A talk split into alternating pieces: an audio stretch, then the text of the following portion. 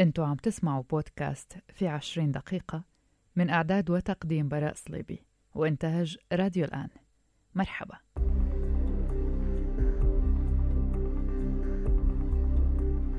اليوم رح نكون معكم بالحلقة الأولى من برنامجنا اللي منقدم لكم فيه الأخبار على طريقتنا الخاصة. بسمع دائما أنه أغلب الشباب ملوا من الأخبار يمكن من روتينها أو أنهم بيحبوا يسمعوا بس الهايلايتس أو العناوين العريضة. لكن لما نحكي بقصص خاصة من قلب هي الأخبار بيلفتني انتباه الكل إلها ولتفاصيل هالأخبار خصوصي بس يكون في شي بيتعلق بالشق الإنساني والاجتماعي ومرات الثقافي أو الفني. من هالنقطة انطلقنا وقررنا نطلق هالبودكاست في عشرين دقيقة. والبداية رح بتكون من العراق. العراقيون يستقبلون عامهم الجديد بالتصعيد بسبب الصراعات بين أمريكا وإيران وبذلك يخشى الشباب العراقي تحول ساحاتهم التي يتظاهرون فيها إلى ساحات تصفية للمصالح والحسابات بين القوتين المتصارعتين والمهددتين لبعضهما ولسلامة أوطان أخرى. فهل تتحول ساحات العراق من ساحات للتظاهر للمطالبة بخلق فرص جديدة للحياة للمواطنة والرفاه والاستفادة من موارد البلد الهائلة. هل تتحول هذه الساحات إلى فرن ويتحول شبابها مجددا إلى وقود هذه الحرب؟ ما رح نناقش هالموضوع اليوم وإنما رح نرجع نذكركم ب مظاهرات مستمرة منذ مطلع شهر أكتوبر تشرين الأول لعام 2019 احتجاجات لم تتوقف سواء في الساحات والميادين أو عبر وسائل التواصل الاجتماعي. نزل العراقيون إلى الشوارع للاحتجاج. لقي كثير منهم حتفه عندما تعرضت الاحتجاجات السلمية لإطلاق نار من قبل البسيج العراقي وبدأ الشعب يحصي خسائره. العراق دولة تملك موارد هائلة ومع ذلك يعيش العراقيون ظروفا شهدتها أقل البلدان نموا. البنية التحتية العراقية تنهار. الحياة العراقية تنهار. هناك العديد من الأسباب لهذا الوضع. كل ما يقوم به الشعب العراقي لتحسين الوضع ينتهي إلى طريق مسدودة. العراق غير قادر على حل مشاكله العالقة ولا حتى القضاء على الفساد ولا تعديل القوانين. بتاريخ 18 مارس آذار 2019 نشرت صحيفة الجارديان البريطانية تقرير كشفت فيه عن تداعيات الفساد المالي والإداري في العراق وكيف أوصل الشعب إلى الفقر بعد تبديد أمواله وسرقة موارده وخيراته. وعنونت الصحيفة تقرير ب العراق يحتضر واللي أكدت فيه أن الفساد الذي شهده العراق طيلة السنوات الخمس عشرة الماضية أوصل محافظات غنية بالموارد النفطية إلى تحت مستوى خط الفقر. ما دفع أبنائها إلى الخروج بمظاهرات غاضبة للمطالبة بمحاسبة الفاسدين واسترداد حقوقهم المسلوبة. وخلال الأشهر الماضية أثبت العراقيون بأنهم مصرين على البقاء بهالساحات وتحول بعض هالساحات لترند بيتداوله العالم مثل ساحة التحرير وجسر السنك وساحة الوثبة والمطعم التركي أو جبل أحد وغيرهم إذا بتعرفوا المزيد خبرونا. وأكثر من هيك ذهب العراقيون لابتكار العديد من المظاهر اللي بتعكس رغباتهم واللي حابين يوصلوها للعالم ألا وهي سلمية ثورتهم وأحقيتهم بالتظاهر والاحتجاج. اليوم بحلقتنا رح نبحث عن هي الحالات الفردية منها والجماعية الفطرية والمخطط لها وأنا عم أتصفح صفحات وحسابات لعراقيين ناشطين ونشيطين على ال social media طلع لي هالفيديو. خليني أنقل لكم الصوت. حاليا نحن في ساحة التحرير وسط العاصمة العراقية بغداد. آه تشوفون الشباب مسوين مكتبة مكتبة أكتوبر. يقرون كتب ويستثمرون وقتهم لبناء جيل واعي من الأحرار من الشباب اللي راح يبنون العراق إن شاء الله مستقبلا. وحاليا نحن في قرب آه، نصب الحرية كما تشاهدون. للأسف نحن ما بنقدر نشوف مثل ما عم بيقول محمود. لكن عم نقدر نسمعكم على الأقل. بس أكيد بتقدروا تفوتوا على حساب محمود على تويتر أو صفحته على الفيسبوك وتشوفوا هذا الفيديو. إن شاء الله راح يكون هناك جيل جديد في العراق يبني هذا البلد بعيدا عن المحاصصة بعيدا عن الحزبية بعيدا عن التكتلات السياسية. فقط يبنون هذا الوطن بعلمهم بفكرهم بنضوجهم بوحدتهم. آه، ثورة أكتوبر في في بغداد وفي العراق. هي ثورة عراقية وطنية خالصة تدل على وعي شبابي جماهيري. سيرى النور إن شاء الله مستقبلا. هاد صوت محمود نجار صحفي عراقي وباحث ومهتم بقضايا إنسانية ومحول صفحته لأهم من وكالة إعلامية أو حتى وسيلة إعلام لحتى ينقل بالصوت والصورة شو عم بيصير بساحات العراق. سريعا بعد ما شفت هالفيديو تواصلت معه. وسريعا استجاب. واتفقنا على تسجيل لقاء قصير يختصر لنا فيه شو عم بيصير حواليه وشو انطباعاته وشو الفرق اللي عم تخلقه هيك نشاطات.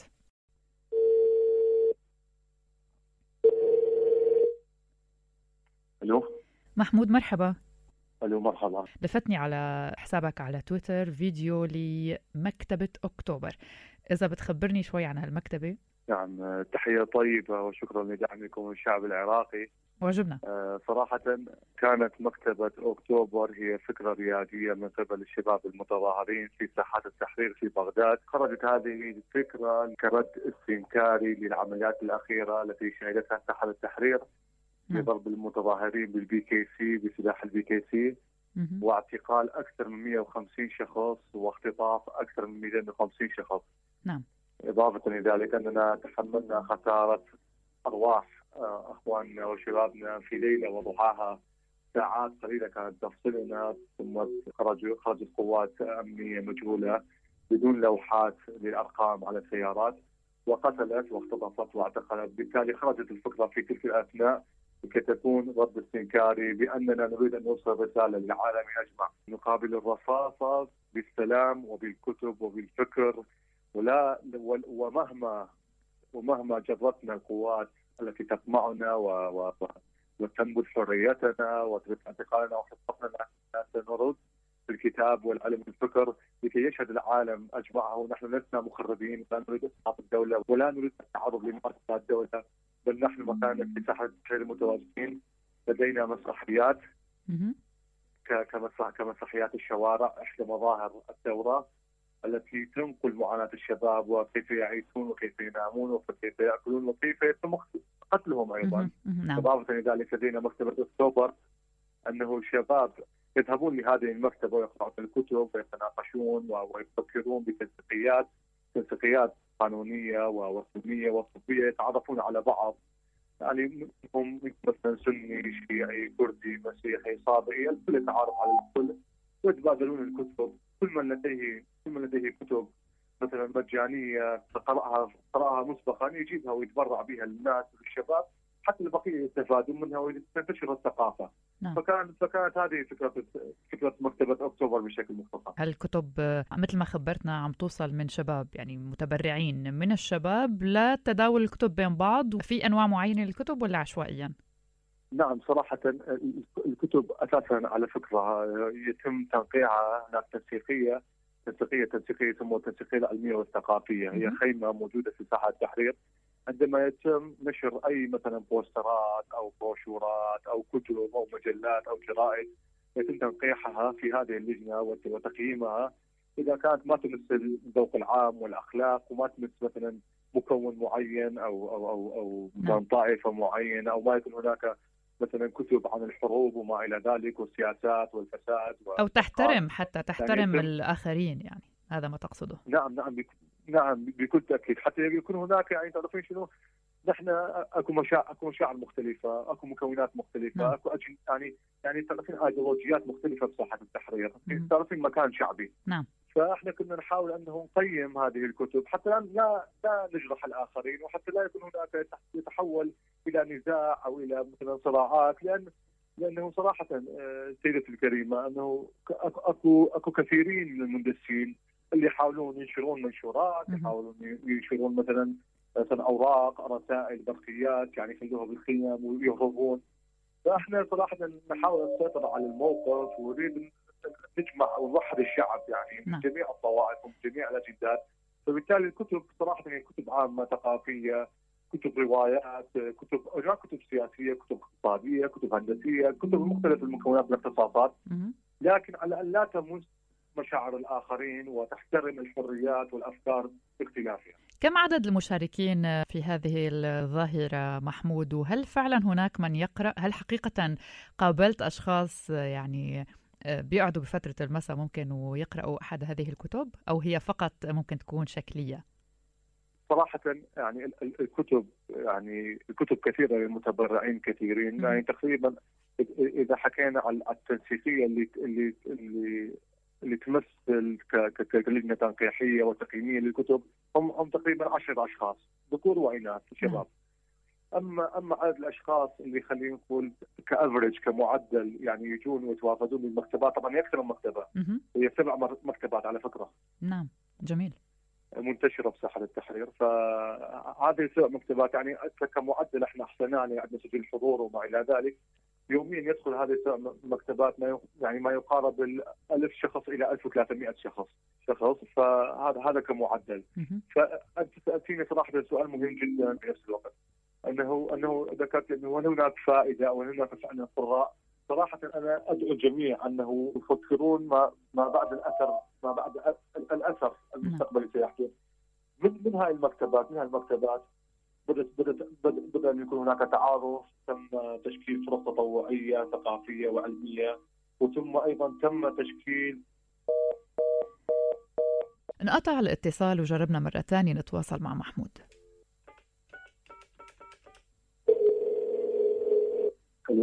أي محمود خلينا نكمل لو سمحت هل فعلا هناك من يقرأ نعم. في هذه المكتبات؟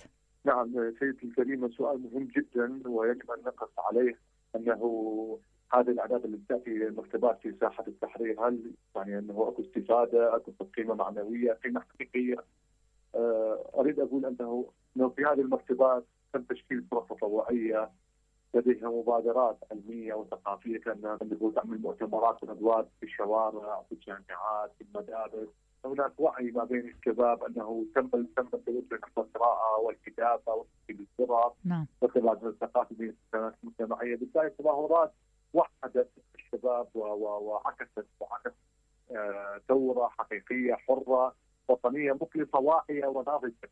نعم. اليوم إحنا كنا كنا بالسابق نفتقر يعني القصة إنه كيف يوحد الدروس يجمع الرؤى المختلفة والأيديولوجيات المختلفة. اليوم الدكتور عبر مكتباتها عبر كتبها عبر نشاطاتها ومبادراتها لا آه، عكست صورة إيجابية ويبدو أن هناك تغيير سير النور في المستقبل إن شاء الله. إن شاء الله. محمود كمان عندي سؤال، هل لديك أي اطلاع على فعاليات مشابهة؟ يعني نحن هون شفنا كثير صور لجرافيتي على بعض الجدران، أيضا هناك فعاليات أخرى دائما عم تمرق ببالنا أغاني أيضا عم يألفها شباب وصبايا عراقيين لحتى يحكوا فيها يمكن أحلامهم أو طموحاتهم أو مطالبهم من هي المظاهرات، هل هناك المزيد لم يصل للإعلام؟ نعم آه، طبعا.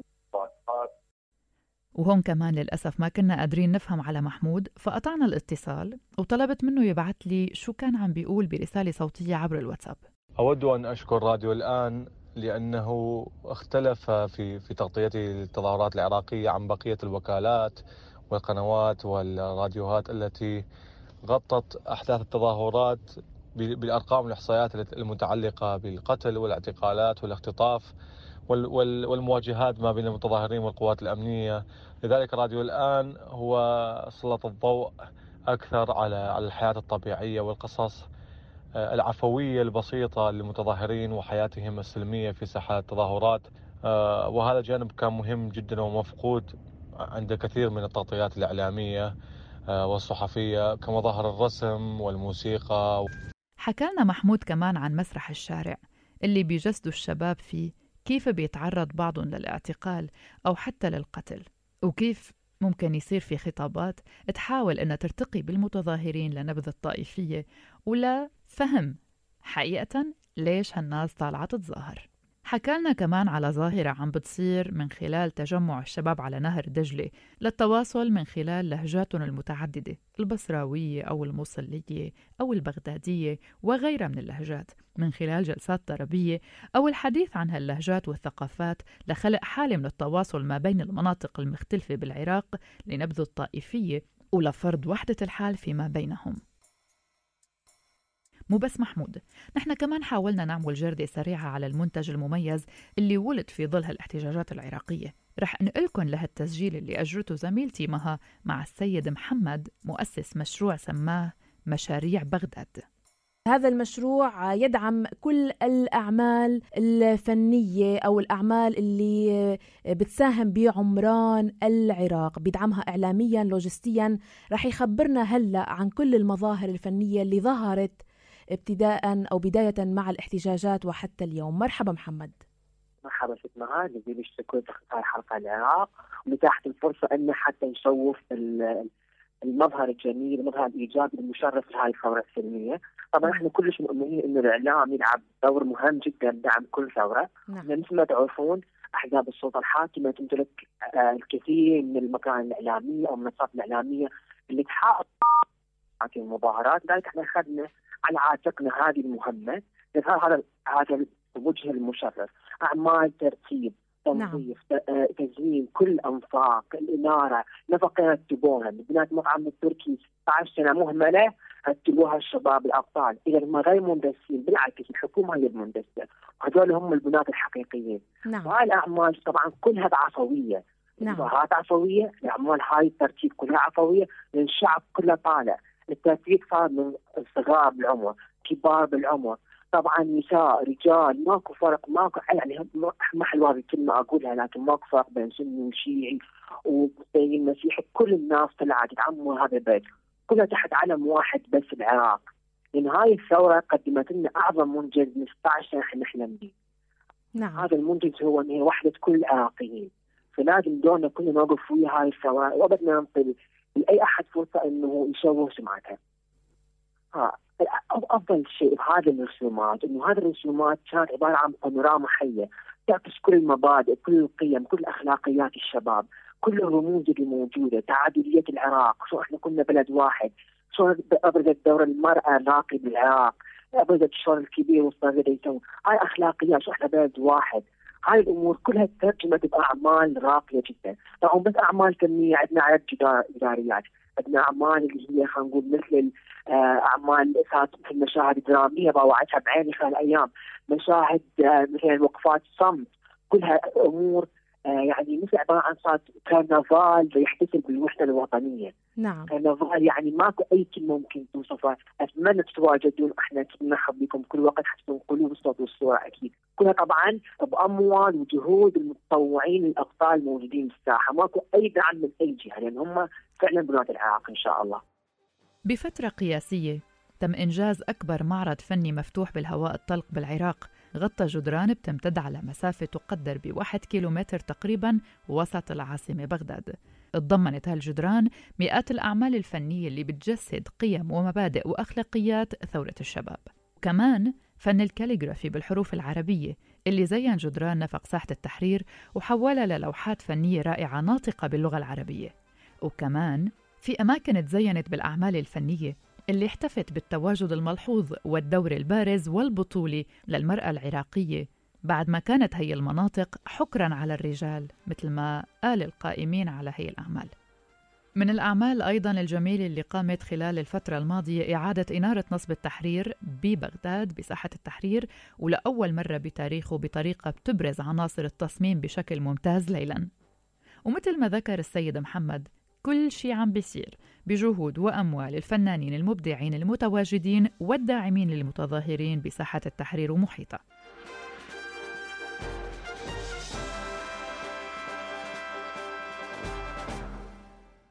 لا تنسوا بتقدروا توصلوا لنا من خلال تطبيق بودكاست على منصات مختلفة iTunes، Spotify، Google Play، Stitcher، TuneIn، iHeart وغيرهم من المنصات المتاحة. كمان بتقدروا تسمعونا من خلال موقعنا الإلكتروني www.alan.fm شكرا لطيب الاستماع منلتقي بحلقة جديدة. كانت معكم من وراء المايك بالإعداد والتقديم براء صليبي.